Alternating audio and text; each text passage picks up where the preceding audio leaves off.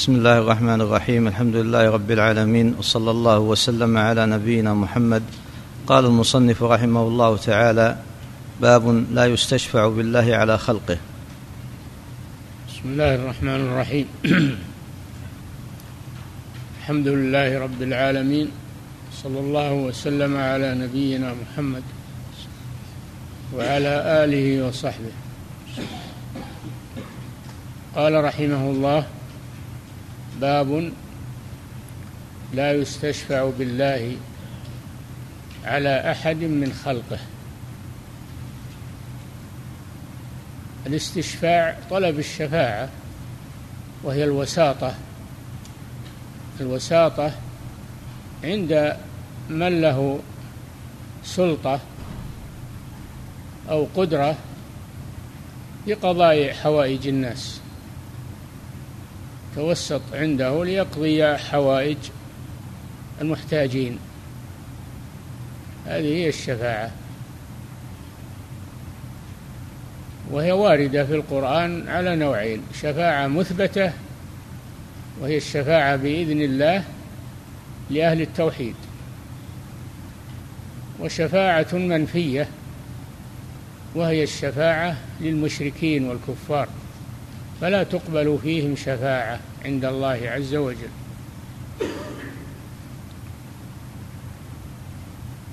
فالله يشفع عنده بإذنه ولا يستشفع به على أحد. لا يجعل الله شفيعا إلى المخلوق لأن هذا فيه تنقص لله عز وجل.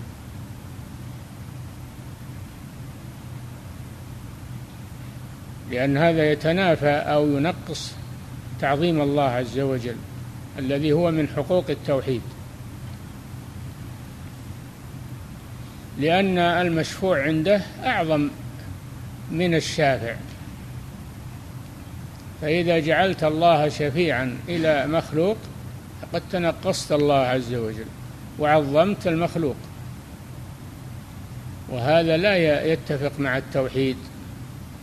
وعظمة الله وكبريائه وجلاله سبحانه وتعالى. لكن قد يقع من بعض الجهال شيء من ذلك كما يأتي في هذا الباب.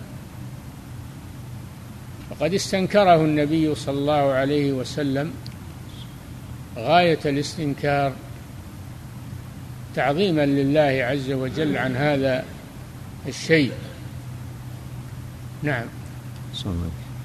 عن جبير بن مطعم رضي الله عنه قال جاء أعرابي إلى النبي صلى الله عليه وسلم فقال يا رسول الله نهكت الأنفس وجاع العيال وهلكت الأموال فاستسق لنا ربك فإنا نستشفع بالله عليك وبك على الله. فقال النبي صلى الله عليه وسلم سبحان الله سبحان الله فما زال يسبح حتى عرف ذلك في وجوه أصحابه. ثم قال النبي صلى الله عليه وسلم ويحك أتدري ما الله؟ إن شأن الله أعظم من ذلك إنه لا يستشفع بالله على أحد من خلقه. وذكر الحديث رواه أبو داود. نعم هذا الحديث عن جبير بن مطعم بن عدي رضي الله تعالى عنه.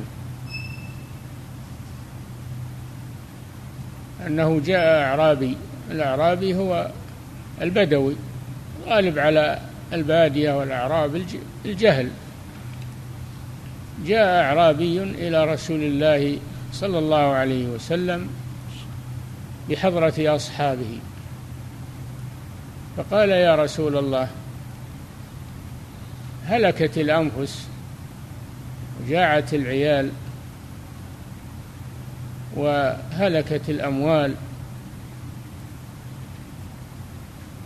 يشكو إلى الرسول صلى الله عليه وسلم ما أصاب الناس من انحباس المطر وهذا شيء لا بأس به. لا بأس به أنك تذكر ما وقع في الناس من أجل الدعاء من أجل الطلب من الله أن ينزل المطر والاستغاثة. هذا شيء لا بأس به بل هذا مشروع. فاستسقي لنا ربك. اطلب من الله أن يسقينا الغيث لتزول هذه الشدة. كل هذا لا بأس به لكن لما قال فإنا نستشفع بك فإنا نستشفع بالله عليك نستشفع بالله عليك وبك على الله. تغيظ النبي صلى الله عليه وسلم عند هذه الكلمة إعظاما لله وإجلالا لله. نستشفع بالله عليك استشفع بالخالق على المخلوق. هذا تنقص لله عز وجل. فقال سبحان الله سبحان الله. وكان من عادته صلى الله عليه وسلم أنه إذا استنكر شيئا سبح الله تعظيما لله وتنزيها له. وقوله سبحان الله سبحان الله لأن هذا الأعرابي تنقص الله عز وجل. الرسول أراد أن ينزه الله عن هذا النقص.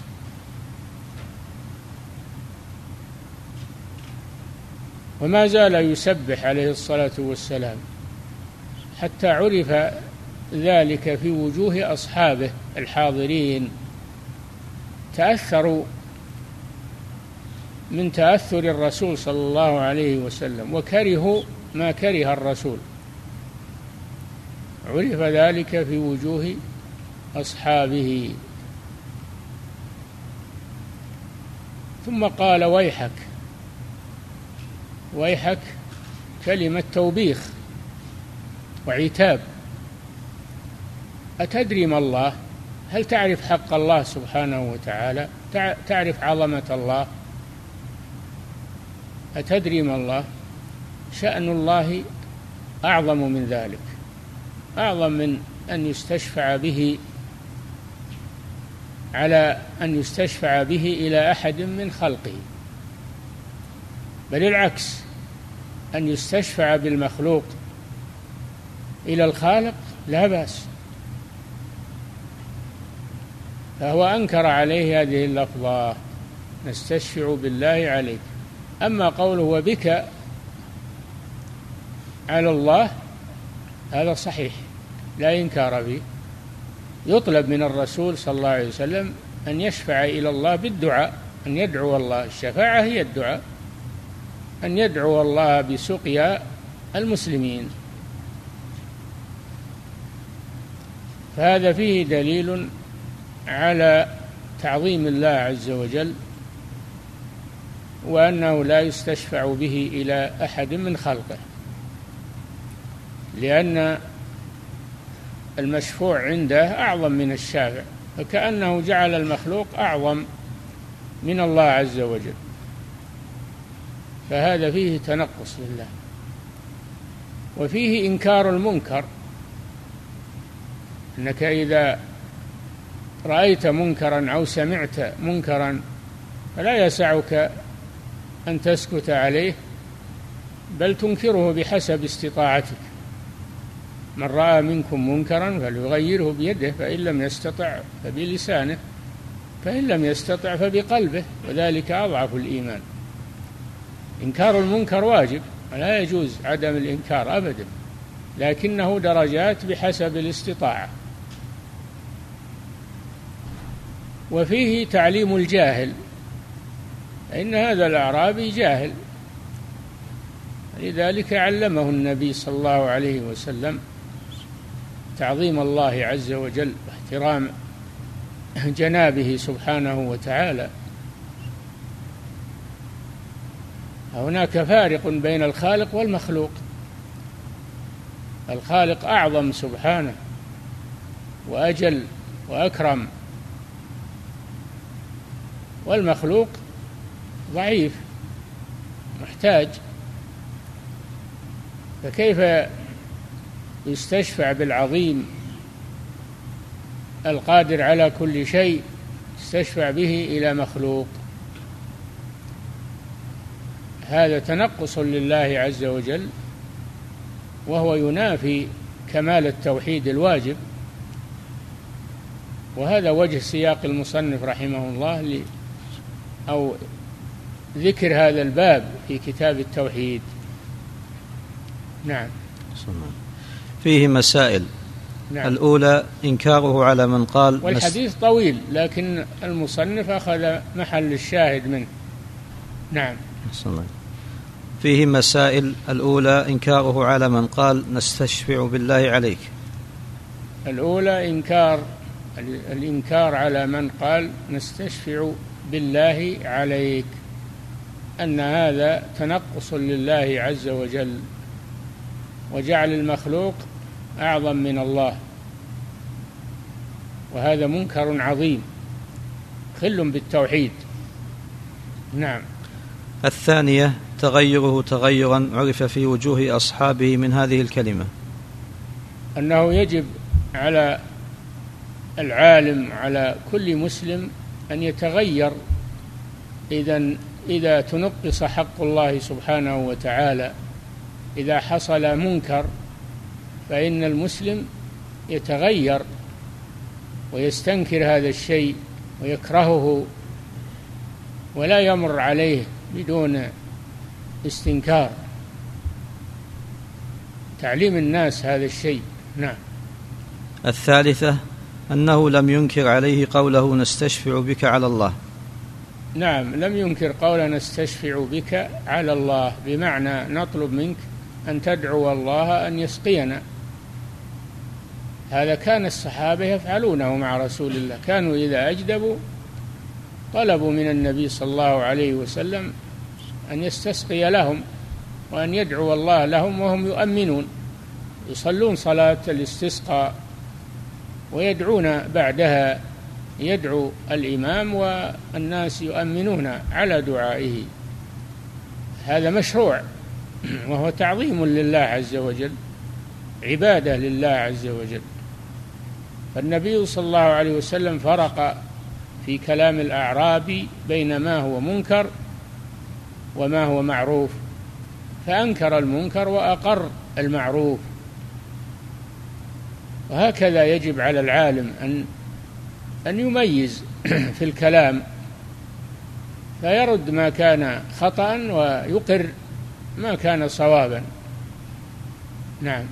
ولا ينكر الكلام كله من أجل كلمة جاءت فيه أو جاء فيه ما يستنكر وبعضه حق الحق يقر والمنكر ينكر.